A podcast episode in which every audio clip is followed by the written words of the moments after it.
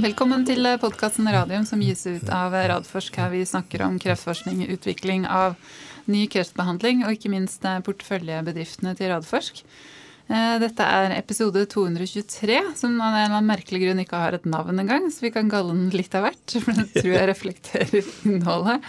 Det er blitt 20. april, klokken er halv tolv. Velkommen i studio, Jonas Einarsson. Takk skal du ha, Elisabeth. Vel overstått eh, påsk? Ja, i like måte. Det ja. ble jo en aldeles strålende påske etter hvert. Ja, det var jo så mye sol i går. Så eh, når jeg var ute på tur med mine hunder, så hadde jeg på meg altfor mye klær, merket jeg. Ja, det er ikke så lett å kle seg i disse dager. Riktig. Sant nok.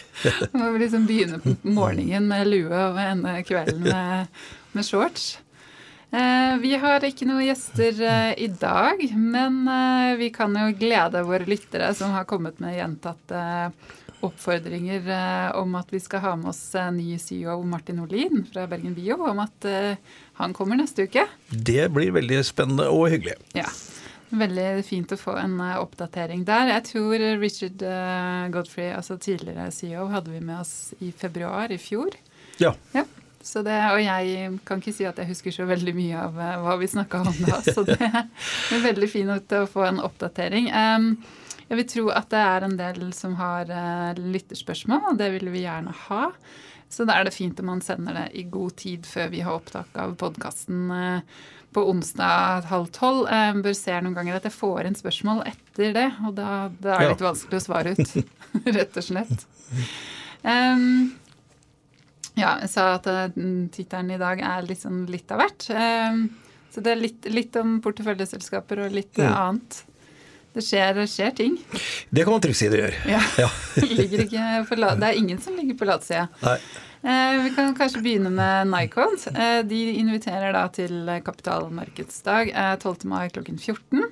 Eh, og det var vel egentlig mer en sånn eh, holde av-dagen. Ja. Eh, melding som de sendte ut, det var vel i går? Ja. Nei, Det blir spennende, det. Eh, det skjer jo utrolig mye i det selskapet. Mm -hmm. Så det at de inviterer til å få en oppdatering både på ja, Det kommer vel ikke noe voldsom sånn breaking news, men, men, en oppdatering på de forskjellige programmene de har. De forskjellige samarbeidene de har, det de kan si om det. Eh, og så nevnte de vel også at de skulle oppdatere litt i forhold til eh, listing.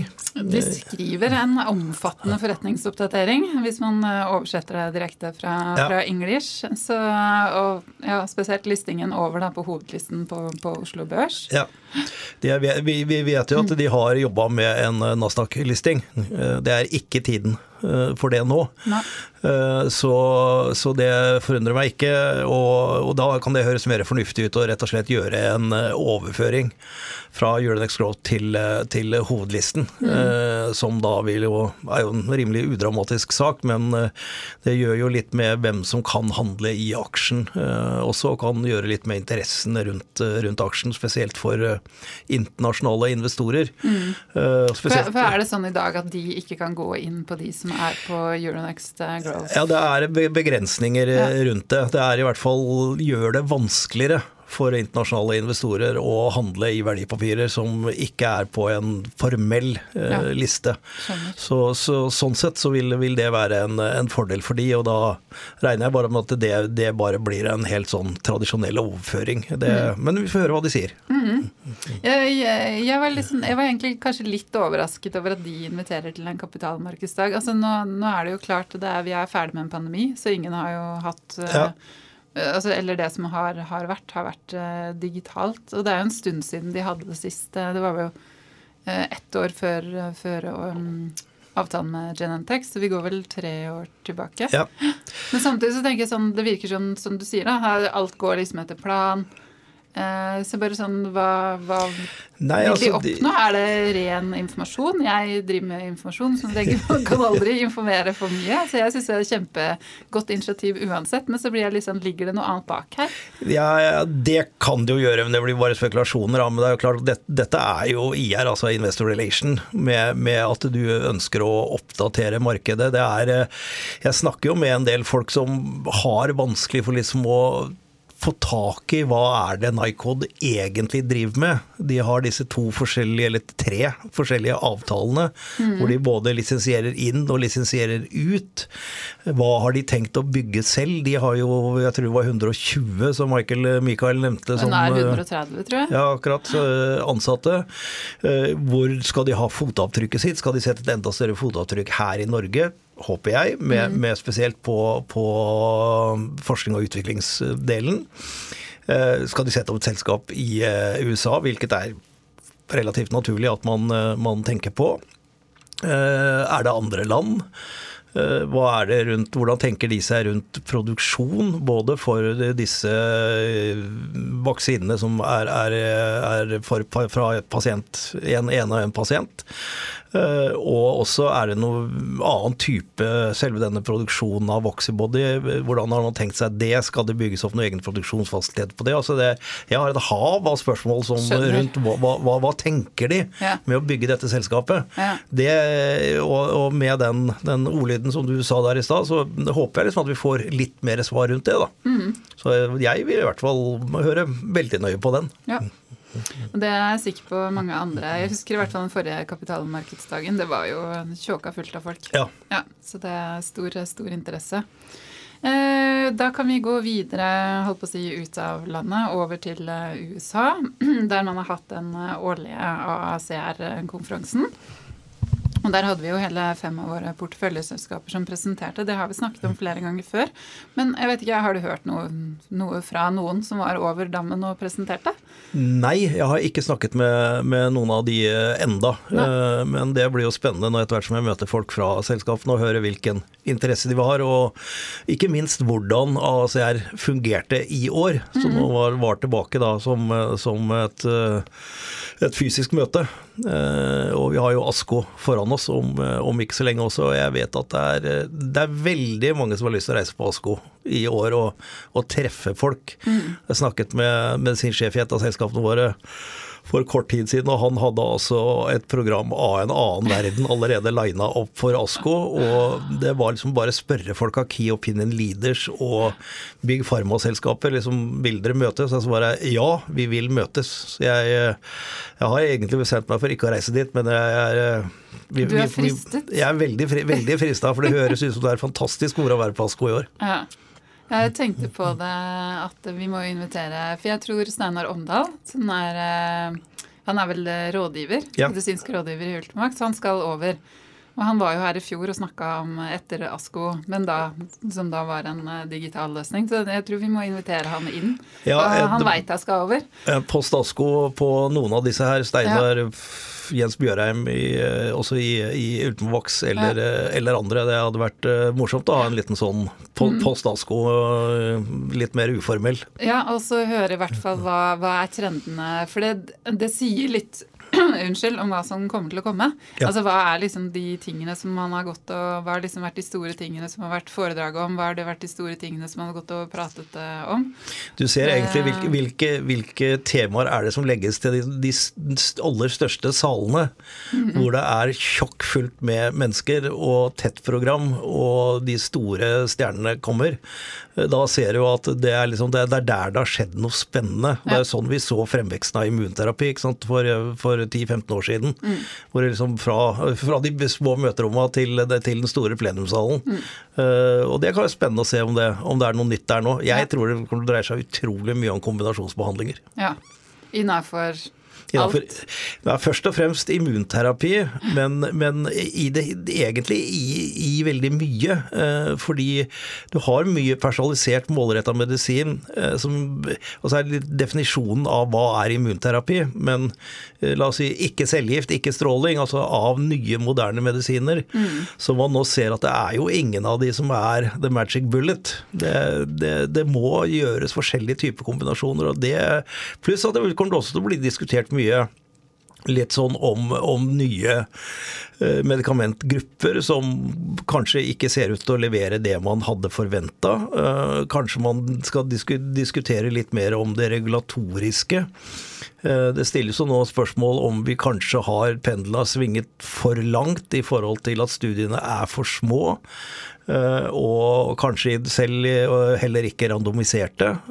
Og FDA har jo nå i hvert fall litt mer enn antydet at det vil de se litt nærmere på. fordi det er noen medikamenter som blir godkjent, og som dessverre enten kommer med mer bivirkninger eller dårligere effekt enn det man hadde forventa når du kommer liksom ut i, i, i den virkelige verden. Mm. Eh, samtidig så er det jo det etiske dilemmaet at hvis du da sier nei, vi skal gå tilbake til store randomiserte studier og igjen vente tre-fire år før vi godkjenner medisiner når vi virkelig tror at de har god effekt. Så, men den grenseoppgangen er ikke, er ikke lett. altså. Nei, nei, Syntetisk kontrollarm, det er, altså, det er masse spørsmål rundt det. Ja. Så det vil jeg også tippe vil bli et tema. Ja. Ja, det er, det er, veldig spennende, og det er jo helt uh, avgjørende. Da. For det, jeg tenker sånn her, Å gå helt i fase tre, og så feiler man, det er ikke greit. Nei, det, altså det, det, er, det, er, ikke det. Uh, så, men, men, det er denne balansegangen. Altså at mm. Både FDA, EMEA og selvfølgelig vi som jobber med dette her, ønsker at det skal komme pasientene til nytte så tidlig som mulig. Men mm. samtidig så vil vi ikke utsette de for noen bivirkninger som vi ikke har sett i, i små studier, som de får når, vi prøver ut på større. Så, så er, det er en viktig økonomisk, finansiell og etisk diskusjon å ta. Kjempeviktig. Absolutt. Eh, vi må ha med oss en veldig stor og gledelig nyhet, eh, og norsk nyhet fra ASR, som ikke vi har vært innom før. og Det er jo at Annelise Børresen Dale, som er da professor emerita ved Universitetet i Oslo og en av Norges ledende kreftforskere gjennom tidene, hun ble utnevnt til noe som heter Fellow of the RCR Academy Class of 2022. Eh, og sånn som jeg har skjønt dette her, så er dette her um, Altså, de, de, har en sånn uh, pool av mm. uh, altså de mest fremragende kreftforskere i verden som blir utnevnt nye hvert eneste år. Så mm. nå, nå, har de vel totalt 256, og så har de pluss disse 33 mm. som har fått utnevnelsen fellow i år. da. Eh, og det henger så ekstremt eh, vitenskapelig høyt. Ja. Eh, og er noe som kan altså, tilfalle hvem som helst i verden. Men mm. så lenge du har på en måte levert noe til kreftforskningen over lang tid, da, som på en ja. måte har gjort et stort uh, forsøk. Og så skjønte jeg når jeg gjorde litt research, at uh, hun er visstnok den første norske uh, også som har blitt utnevnt til, til fellow. Det stemmer nok. Jeg vet i hvert fall ikke om noen andre. Nei, Nei det var Annelise selv som sa det. Ja, Annelise sa det selv, ja. Nei, Altså, Annelise Børresen Dale hun er jo en pioner innen, innen kreftforskning, ikke bare i Norge, men uh, internasjonalt. Uh, når jeg begynte å jobbe med dette her for uh, over 20 år siden, så var jo hun av de, en av de som virkelig imponerte meg. Problemet med Annelise var at eh, hun hadde litt vanskelig for å skjønne den meldinga om at du må snakke relativt sakte og litt enkelt hvis jeg skal skjønne hva du holder på med. Når hun holdt på med alle sine genprofiler innen, innen brystkreft, som var et pionerarbeid. Ja. Altså det at, at, brystkreft ikke er brystkreft, men er mange forskjellige typer sykdommer. Der gjorde hun et fantastisk jobb. Mm. Men når hun skulle forklare det, da datt hun fort av lasset, altså. Ja. Hun, det, er jo så, det er så mye kunnskap i den dama at det er helt Nei, det syns jeg er ordentlig moro at Annelise har fått den. Eh, så lærte jeg mm. noe nytt i dag også, da. At det heter professor emerita. Ja når det er dame. Ja, da har jeg lært det. Det, ja, og det er jo nettopp som du sier, da. Det er jo for, eh, for brystkreft også den genomiske profileringen ja. hun har gjort av brystkreft, at hun har fått denne Altså muligheten da, til å bli med i det forsiden av Nature. Hadde hun det? Ja, Så vidt jeg husker, så var det Nature, ja. ja. Nei, hun har også gjort et uh, utrolig inntrykk uh, på meg. Og det var som vi akkurat snakket om før podkasten, at uh, vi, vi, har vel ikke sett henne så mye gangene på instituttet. Men det er ikke fordi nødvendigvis ikke fordi hun er der, men fordi vi ikke har vært der så mye ja. gjennom pandemien. Så hun også er jo en av disse som still going strong. Absolutt. Eh, og nå en del av, av gruppen til eh, Hege Rustnes, ja. som da driver med virkelig sånn viktig molekyler. Ja, Som har videreført arbeidet til Annelise på ja. mange måter. Ja. Mm. Så det, ja, nei, det var utrolig gøy å se, og en velfortjent eh, heder og, og ære. Eh, vi kan gå litt videre til et eh, tidligere porteføljeselskap, eh, NEC Onco Immunity. Og de har da fått 42 millioner kroner i støtte av da vaksinekoalisasjonen CEPI for å utvikle en altså Det er en ny type koronavaksine, rett og slett? Ja, som da Altså, de, de jobber jo med å forstå uh, alle de dataene vi får ut av sekvensering, enten det er av mennesker eller kreftceller eller virus. Og se hva er det som er viktig ved disse, altså hvilke, hvilke typer mutasjoner, hvilke endringer er det vi ser, og hvordan kan det settes sammen i medikamentell kreftbehandling, men nå da også i å sette sammen den riktige vaksinen. og vi ser jo, vi, vi går jo nå nesten og venter på når vi må ta den fjerde dosen av, av vaksiner. Eh, og i fremtiden så ønsker vi vel å kunne forutse litt mer og lage en mer robust vaksine. Som både varer lenger og som dekker flere typer mutasjoner. Så det er et veldig, veldig spennende arbeid og et, en ordentlig fjær i hatten da, for disse to gutta, Richard og, og Trevor, som, som, kom til oss i, i Radforsk for ja, ti år siden eller noe sånt nå med, med en idé som jo da endte Ja, men det er ikke så lenge siden heller. fordi de satt jo på det, et av disse møterommene oppe i inkubatoren, og det var når vi hadde flytta hit, og det var 2015. Ja, det da var de relativt nystarta. Ja, det, er helt riktig. De kom til oss de har, like, Det har gått så fort med det. Ja, de kom til oss like før vi flytta ja. opp hit. Og da var det jo kollega Anders Tuv som ja. uh, tok tak i det prosjektet sammen med med, med, Trevor og Richard, og det var jo, en, uh, litt av en solskinnshistorie. da, hvor Den første kunden de skulle ha, endte opp med å kjøpe dem opp, og er et av verdens ledende firmaer innen dette, NEC mm. Mm. Eh, Group. Uh, og, og, at da, da viser de med dette at det var riktig av NEC å ikke flytte de de 15-16 fantastiske forskerne der ned til Tokyo, men heller å flytte folk fra Tokyo opp hit. Mm. Uh, og fortsette utviklingen av det selskapet her. Så det syns jeg er litt sånn ekstra morsomt, da. At, ja, det er en ekstra de er fjære, fjerde hatten. Ja. Og så er det jo veldig kult det også at de, de bruker jo da kunstig intelligens. Ja. Uh, maskinlæring og algoritmer det er jo det som gjør at de kan på en måte se mønsteret her, ikke sant. Ja, ja. Eh, og det er så langt inn i sånn svart boks, så det er liksom sånn jeg klarer å, å beskrive det. Det var det eneste jeg forsto av det, at de hadde en svart boks. men, men, jeg har jo hørt de presentere flere ganger når, hvordan de gjør dette, og det er jo ekstremt imponerende. imponerende. Absolutt. Så det er veldig kult, som du sier, at man da kan gå videre inn på, på koronavirus, ja. og så gjøre det samme for å utvikle en, en forhåpentligvis en, en, vaksine i framtida. Eh, det er skjedd Det er skjedd så mye, men det, vi kan da gå videre til kong Olav den femtes kreftforskningspris for 2022. Ja. ja som i år går til Håvard Danielsen, som er professor og leder for Institutt for kreftgenetikk og informatikk ved Oslo universitetssykehus. Det er også en veldig hyggelig utnevnelse. Ja, det var det. Jeg er så heldig at jeg får invitasjon hvert år til å være med på den utdelingen. Det er ikke alltid jeg har tid til det, men i, år så skal jeg prioritere å sitte og se på at Håvard eh, Danielsen får, eh, får den prisen. For mm. det syns jeg er vel fortjent. Han er en briljant forsker og har jo eh, vi har, vi har, jo fått lov til å hjelpe han med flere av hans prosjekter tidligere. Vi har en lisensavtale bl.a. 15 år gammel, tror jeg, men som går enda med ting som han og hans folk har, har forsket ut. Og de har jo det nye prosjektet sitt nå med, med Dumore. Mm -hmm. Så det syns jeg er, er kjempegøy. Altså Det prosjektet Dumor er ikke så veldig nytt, fordi jeg gikk tilbake i arkivet. For jeg husker at vi har hatt med oss eh, Håvard tidligere. Vi hadde han i episode ti for fem år siden, hvor Nettopp. han snakker om Dumor. ja. Men det er Dumor forskningsprosjektet. Ja. Og så har de jo da kommersialisert dette her. Do More Diagnostics, hvor Torbjørn Furuseth, ja. Eh, tidligere CFO i Targovax, eh, leder det.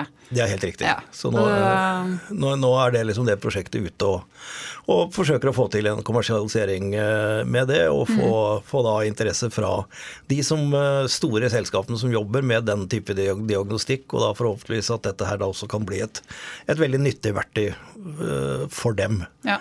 Så det en, en, en, annen grunn til, siden vi har bare litt sånn litt av hvert i dag, en annen ja, ja, litt mor, morsom, morsom, digresjon til det, var at jeg måtte jo da prioritere litt for å få flytta på et annet styremøte for å få til å være med på dette.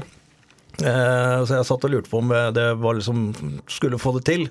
Men jeg ser da at eh, den nye generalsekretæren i eh, i uh, Kreftforeningen nå har erstattet klassisk musikk, som uh, var det faste kunstneriske innslagene, med to innslag av Mannskoret, som er mitt yndlingskor, med alle de gamle vokalistene fra DumDum Boys og, og, flere. Som det kunstneriske innslaget. Da tenkte jeg at den må jeg ha med.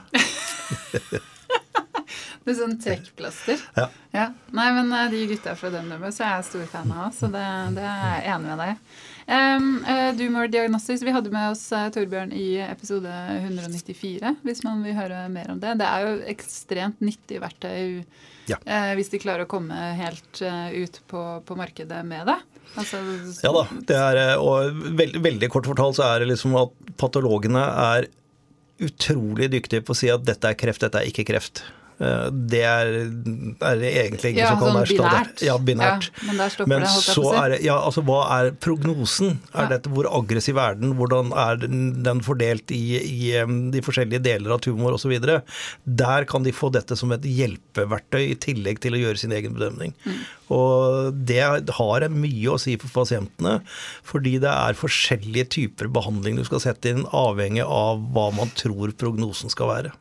Og så har de jo utvikla en metode da, som går også veldig fort. Ja.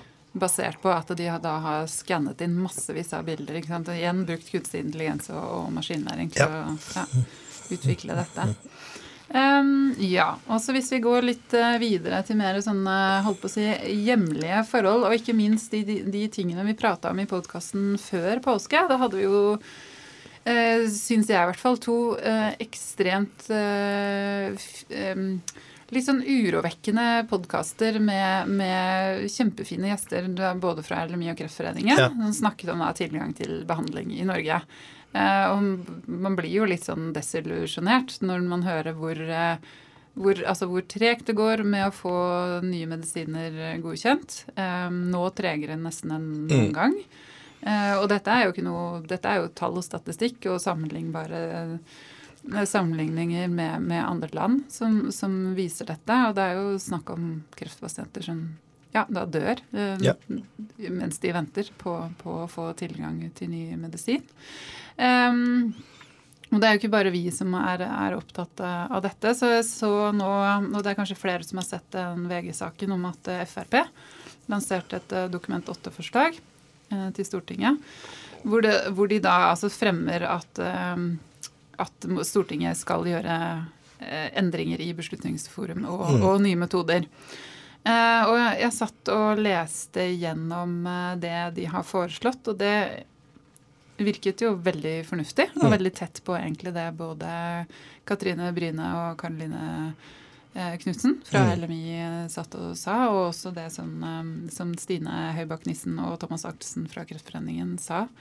Um, en ting som ikke jeg hadde fått med meg, var at de viser til at eh, i den evalueringen av nye metoder, som da Proba, det analyseselskapet, gjorde, så er faktisk Norge det eneste landet hvor man har at de fire eh, sjefene for RHF-ene, Mm. altså administrerende direktørene, som har også det overordnede økonomiske ansvaret, at det er de som bestemmer hvilke legemidler skal innføres.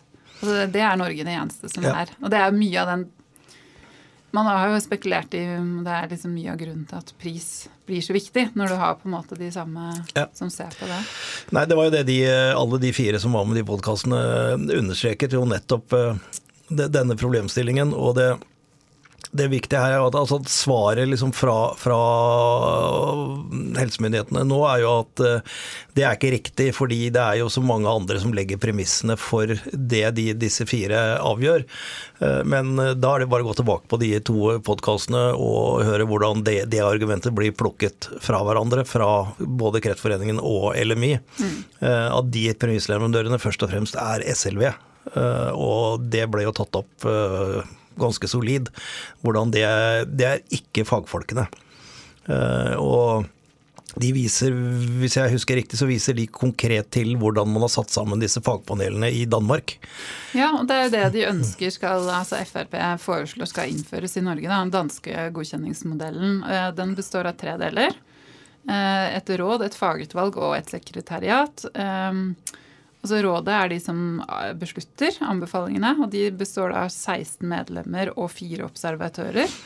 Eh, Og faktisk hovedsakelig sykehusleger, men også helseøkonom, farmasøyter og pasientrepresentanter.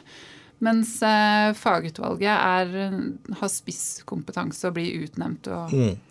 har liksom kompetansen på på hver enkelt. Det høres ikke dette fornuftig ut, da? Jo, det gjør jo det. Rett, rett og slett. Og, og det, er, det, er, liksom litt svakheten ved norsk politikk. Det er at det blir partipolitikk i absolutt alt. For hvis de andre partiene hadde satt seg ned og sett på akkurat dette forslaget, så tror jeg de kunne si at uh, litt sånn filler'n, dette burde vi foreslått. Mm. Men siden det ble foreslått av et annet parti, så må vi si nei, vi må vente og vi må utrede, og vi kan ikke ta stilling til.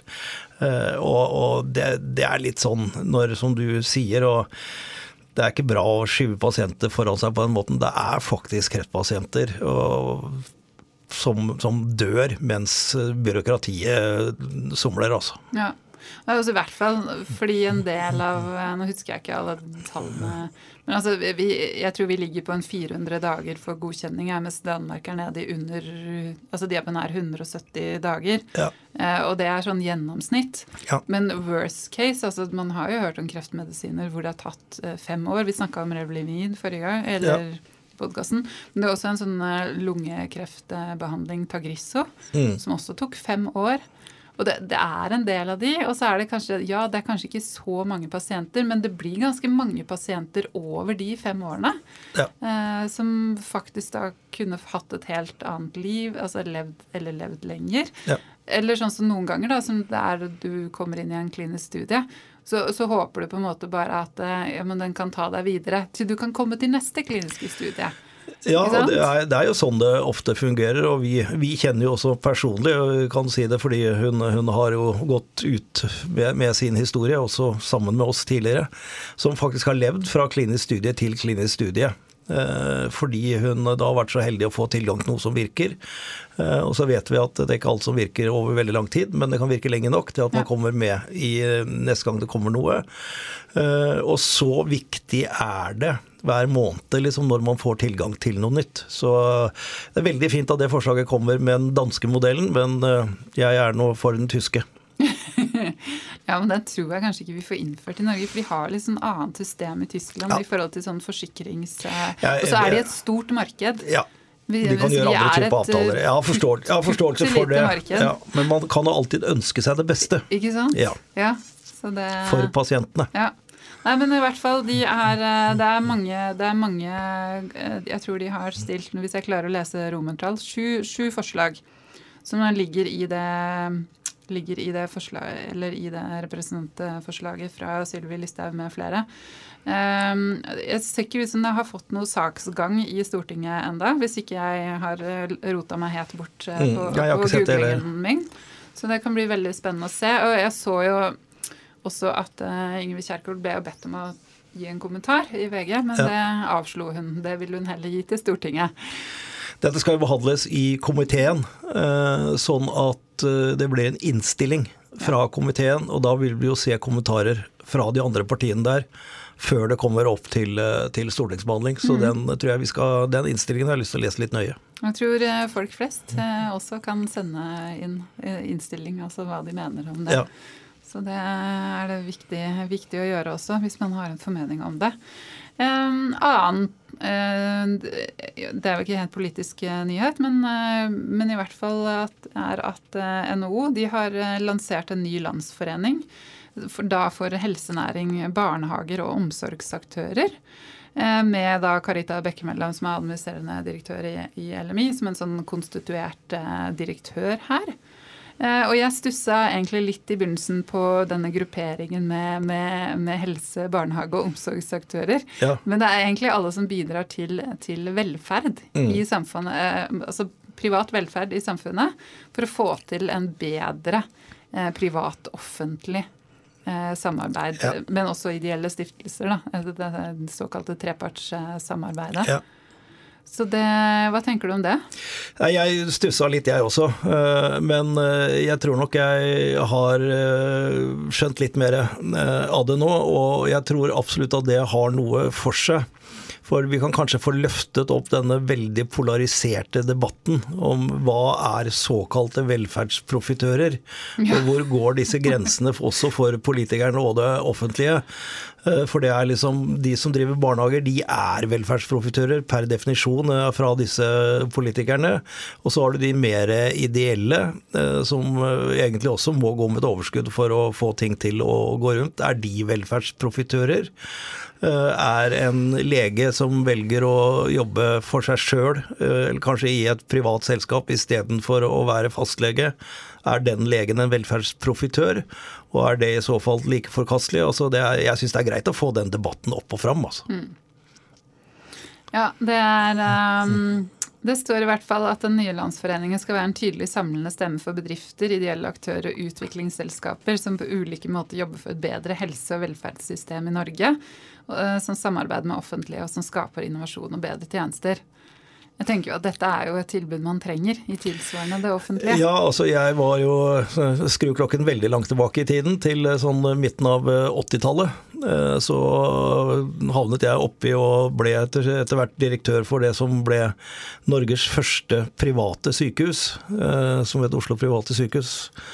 Og som fikk de første, tre første norske sengene som var godkjent som sykehussenger, men drevet av en privat aktør. Eh, og da ble jeg nesten ekskludert fra Legeforeningen for å lefle med det, med det kommersielle. Men jeg forsøkte å si den gangen, og sier det en dag i dag, at det at det kommer private tilbud som prøver å se litt andre måter å både gjøre medisinsk behandling og drive den type institusjoner, bør det offentlige se på som et, et spennende korrektiv og supplement og så gjøre et samarbeid med, istedenfor sånn som dessverre nå, signalene jeg leser fra helsemyndighetene nå, er at det vil man prøve på en måte å reversere. Det også, sånn at vi helst ikke skal ha noe annet. Alle, tror jeg, i Norge, og i hvert fall jeg, er så glad for at vi har det norske helsevesen, det offentlige helsevesen, det tilbudet som jeg ser både jeg og familie og venner og andre får stor glede av. Men jeg ser ikke at det er noe problem at man også har et privat supplement som man kan samarbeide med. Så den idealistiske fronten her, den sliter jeg med. Eh, ja, du bor jo i dette Oslo også. og Har man ikke hatt en liksom policy der de siste årene om at man kjøper tilbake private sykehjem og private barnehager og, og sånt noe også. Ja. Og det, det, tenker jeg sånn der, eh, det, blir jo veldig politisk og, og, ideologisk, men jeg ser liksom ikke helt poenget med det. Kan man ikke heller bruke tid og krefter på å, å gjøre de offentlige sykehjemmene og barnehagene best mulig? Og så er, kan man velge. Det, skal jo på en måte, det er jo ofte en sånn, i hvert fall med barnehager, da, så er det jo samme prisen. Det er jo regulert. Det er det, men det er jo da noen som tjener penger på det. Ja, og, da må man gå inn og regulere på en annen måte. Ja, og det er liksom dette idealistiske i det, da, at ingen skal tjene penger på det. Og så for all del, det fins noen som kan kalles velferdsprofitører, ja. og som har skodd seg på dette, og det har jeg heller ikke sansen for. Men at det kan være noen uh, solide og gode forretningsmodeller, og at det går an til å Jeg pleier å si i sånne tilfeller at uh, vi har avtalefrihet i Norge. Så man kan faktisk avtale seg frem til alle disse tingene som du sier at, at, det er eh, ulempene med det. Så, men samtidig må det være såpass lukrativt for de som eventuelt skal investere penger i dette, at de må ha noe igjen for det. For hvis ikke så setter de pengene et annet sted. Mm. Og vil man ha den type modeller? Ja, jeg syns det. Men uh, ja, nå er vi langt inn i politikken. jo, men vi jobber jo med, med, helsenæring. Det er jo noe som vi på en måte syns er, er viktig. Uh, og det også har det jo vært, i hvert fall fra tidligere regjering, da, at helsenæring er liksom en sånn kinderegg. ikke sant? Du mm. får mm arbeidsplasser, du får eksportinntekter, men du får samtidig altså, ut, utviklet nye tjenester da, som, og bedre tjenester til, til eh, altså pasienter. Mm. Ikke bare i Norge, men over hele verden, ja. for det er jo en global næring. Det er jo litt interessant å se at hvis vi bare går til Sverige og Danmark, da, så er jo helsenæring store næringer der. Mm. Eh, jeg tror det var fra Sverige nå, så har vel eksportinntektene fra fra altså helse- legemiddelselskaper har gått, altså er større enn det de eksporterer fra bilindustrien. Ja. Eh, og i Danmark, eh, jeg tror, eh, nå husker jeg ikke tallene i forhold til hva de Det er vel særlig den diabetes... Novo Nordisk. Novo Nordisk mm. diabetesbehandling. Altså kan du, liksom, du, kan sammenligne det med, med, noen inntekter du har i mm. Norge mm. i forhold til olje, ikke sant. Ja. Så, sånn at det er jo og dis, dette her kan man jo ikke gjøre statlig. Altså De Nei. type bedriftene der er jo ikke jo ikke være, er jo ikke statlige bedrifter. Så det er jo sånn, hvordan skal du få fram eh, disse store bedriftene bedriftene Si Nycov, da, hvis de har mm. liksom ambisjonene Det har vel egentlig Mikael Engsig eh, sagt ja, også, at de har ambisjonen om å bygge et stort Eh, biotekselskap, og gjerne med hovedkvarter i Norge. Men da må det jo være mulig? Da må du legge forholdene til rette for det, og så må du egentlig applaudere for det. Eh, og så kan du si at eh, de som har investert veldig tidlig i, i disse selskapene og tatt hele risikoen med selve utviklingen av produktene og legemidlene, de blir jo ofte straffa på pungen fordi det ikke fungerer godt nok. Eh, og noen ganger så får vi det til, og da tjener de masse penger. Det er kjempefint at de gjør det, for det skaper ny risikovillig kapital som man er villig til å investere i hvert fall en del av igjen. Og da begynner du å få et, et, et hjul som begynner å rulle. Ja, for du må jo liksom opp på en viss kritisk masse ja. der, ikke sant? Uh, og der er man vel ikke helt i Norge enda? Nei, altså du, du ser på eh, opsjonsbeskatningen, eh, du ser på formuesskatten på folk som betaler formuesskatt av noe som de kanskje taper på fordi at fase 3-studien aldri kom, og da har de betalt formuesskatt i mange år. Det, vi, vi, legger ikke til rette for den type risikovillig kapital i Norge, i hvert fall ikke, ikke, ikke godt nok. Uh, og de signalene som kommer nå er ikke noe særlig positivt på det. altså. Nei, og jeg er også um vi har jo allerede begynt å planlegge Arendalsuka. Eh, vi snakker en del med Norway Healthtech der, som representerer norske medtech-bedrifter. Og der tror jeg det er nesten enda vanskeligere, for der, der skal det piloteres, og sånn, gjerne i samarbeid med sykehus, og det er fint og flott. Men, men det må jo også kjøpes inn. Man må ha et hjemmemarked. Ja. Og kanskje spesielt for medtech-bedrifter som på en måte har eh, ja, litt mer sånn spissa, uh, spissa marked da, i forhold til en sånn type Ja, jeg kan ikke mye om Medtech, men, men uh, jeg skjønner i hvert fall at uh, hvis du har et veldig spesialisert produkt, som mm kanskje ikke har så veldig, veldig stort marked i et lite land som Norge, og det er utvikla i samarbeid mellom sykehus og, og det private selskap her i Norge, og så skal de ut i verden og selge dette produktet. Så blir det ikke kjøpt og, og så, og så, opp i Norge? Men, men, dere har jo ikke et hjemmemarked. Ja. ja. Det sier seg sjøl. Vi, vi lar den eh, henge der. Um, et par småting uh, sist. Det, det blir mer, og det er mer politikk. Um, Dagens Medisin hadde seminar om, om, kreft. altså De har et sånn årlig seminar om, om kreft hvert år. Og det hadde de nå før påsken. Jeg satt og kikka litt på det. Jeg var inne på flere ting. Men um, blant annet så skal jo regjeringen legge fram en, en ny kreftstrategi. Den kommer vel først i 2024, hvis jeg husker riktig? Eller ja. Um, og der skal de, en stor del av den strategien handler om å desentralisere kreftbehandlingen. Um, og så så jeg samtidig også i Dagens Medisin at det gjør vi jo allerede. Ja. Uh, og flere eksempler fra bl.a. her på østlandsområdet, hvor Helse Sør-Øst har startet eh, flere poliklinikker eh, på Hadeland andre steder også, hvor de mm. da tilbyr typ medikamentell behandling, immunterapi, cellegiftbehandling. Så trenger man desentralisering inn i en kreftstrategi i 2024? Eh, nei. nei. Eh, det gjør vi ikke, fordi det er en strategi som eh, man har jobbet med i mange, mange år. Eh, og det er klart det å kunne behandle pasientene nærmere hjemstedet gjerne sentralisere diagnostikken og legge opp behandlingsopplegget hvor vi har de aller beste stedene, kanskje på fire, fem, seks steder i Norge. Men når da har sagt du har den diagnosen, du har fått den aller beste utredningen, og nå skal behandles, og vi vet jo nå at kreftbehandling er jo ikke bare noe du får gjort i løpet av en uke eller to det er jo behandling som strekker seg over veldig lang tid. Spesielt med alt det nye som kommer nå av eh, immunterapi og andre kombinasjonsbehandlinger. Og hvis du da kan slippe å reise lange veier for hver gang for å få en behandling som du kan få nærmere hjemstedet, så er det kjempefint, og det er ressursbesparende så det holder. Mm. Og det er også grunnen til at man planlegger fremtidens kreftsykehus med mye mindre senger enn man har gjort tidligere. Mm. Nettopp fordi at behandlingen blir poliklinisk. Og da utprøvd poliklinisk først på de store sentrene hvor den superekspertisen sitter. Spesielt fordi det kommer nye bivirkninger med nye medisiner. Det, har vi sett veldig gode eksempler på i immunterapi. Hvor jo nettopp dette med, eh, med bivirkninger fra immunterapi, med dette cytokinstorm og dette at folk ble så fryktelig dårlige, og vi hadde lite medisiner. Og de måtte behandles på helt spesialiserte steder. Eh, men så blir vi bedre mm. på å behandle disse bivirkningene. kommer nye medisiner. Eh, og som gjør det enklere. Og så kan man sakte, men sikkert flytte denne behandlingen ut og desentralisere den til beste for pasient og til beste for ressursbruk. Mm. og noen det, ganger helt hjem også, ved hjelp av digitale ja.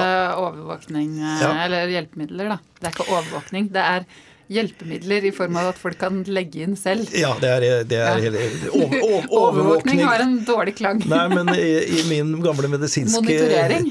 Ja, men vi, vi, det, vi kalte jo det overvåkningsenheten ja, sånn, når jeg satt fastvakt på Skopvakt ja, da jeg var medisinstudent. Så medisinsk sett så er overvåkning en god det er, ting. Det er veldig positivt, for da, da, da, da passer du godt på pasienten. Så det er, Men at man skal bruke to år nå på å utrede en strategi om at det er fornuftig å gjøre, ja vel. Nei, altså jeg, Hvis vi kan komme med en, eh, med en eh, holdt på å si en appell eh, altså kan man ikke, Hvis du nå skal lage en kreftstrategi som kommer i 2024, da må jo den på en måte gå si til 2030, da, eller beyond. Ja. Da må den jo ha noen visjoner. Den må jo ha noen vyer. Altså hvordan skal man eh, behandle eh, mennesker med kreft i Norge i framtiden? Altså hva forventer man av, av, kreftomsorgen? Og så tenker jeg det med desentralisering. Eh, når Helse Sør-Øst allerede er i ferd med å gjøre dette, så er ikke det en visjon eller vyer for framtida. Det er på en måte no, det, det, at man på en måte skal behandle pasienter hjemme, ja. eh, det er jo på en måte noe man har snakket om, om lenge. Ja. Um, hvordan skal vi følge opp langtidsoverlevere? Hvordan skal vi følge opp langtidsbivirkninger av den behandlingen vi nå gir, hvor vi ser at vi får langtidsoverlevere, men vi vet ikke hvordan det går med de om 10 år, 15 år. Kommer det da noen langtidsbivirkningsskader som vi har sett på stråling f.eks.? Mm. Det er den type ting man burde konsentrere seg om. Ja, og så tenker jeg også at man burde koble dette på helsenæring. Eh, Absolutt. Eh, altså, hvordan, for vi har jo et fantastisk miljø her på ved Radiumhospitalet, men også mange andre steder eh, i, i, landet. Altså, hvordan skal man, altså Når de, de gode ideene her til bedrifter kommer, skal, hvordan skal man virkelig få hjulpet det fram? Ta det i bruk. Eh, også den Cancer Mission til, til ja. EU, eller også Joe Bidens Cancer Moonshot. Altså, Kan man ikke heller komme med noe sånn ikke, ikke bare sånn der hva skal vi gjøre, som er kjempeviktig. Hjelpe kreftpasientene hjemme i Norge. Men hva kan Norge bidra med også i den store verden? Det må jo være lov til å ha litt grann hårete mål og ambisjoner her. Vi får se. ja, vi får se. Bare sånn en lite apropos til det er at um, Eh, Kantar de har et sånt årlig helsebarometer, og i år så hadde Oslo Cancer Cluster sammen med noen av medlemmene jeg tror det var Jansen i sted, lagt inn noen spørsmål om, om, kreft. Og blant annet et sånt spørsmål om eh, eh, i forhold til kreftstrategien, da, og hva mener du at regjeringa skal legge mest vekt på? Eh, og det da å ta i bruk moderne behandlingsformer som gir færre bivirkninger, den kom helt øverst. Mm det at den tilbyr mer oppfølging av kreftpasienter hjemme, kom helt nederst. Mm. Ja. Det, er, det, er, ikke det man tenker på når man får en kreftdiagnose. Nei, det, er, det er å det. komme til de beste stedene, få den beste vurderingen, få vite at jeg får den beste behandlingen som er tilgjengelig.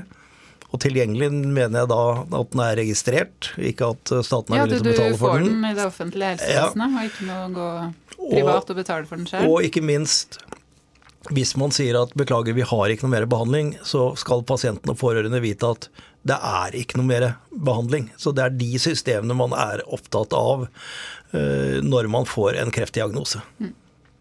Og det, med det sier vi punktum. Vi skal bare reklamere for frokostmøte Framtidas kreftbehandling i morgen. Som går på Litteraturhuset. Starter der kvart på ni og går også via stream. Og der er faktisk temaet hvordan sikre norske kreftpasienter den beste behandlingen i framtiden. Så dette her syns jeg var et fint hva skal man kalle det for noe, vorspiel. Veldig bra. Til det. Så her blir det kjempehyggelig å få med oss eh, Martin Olin neste uke. Husk å sende inn spørsmål. Takk for i dag.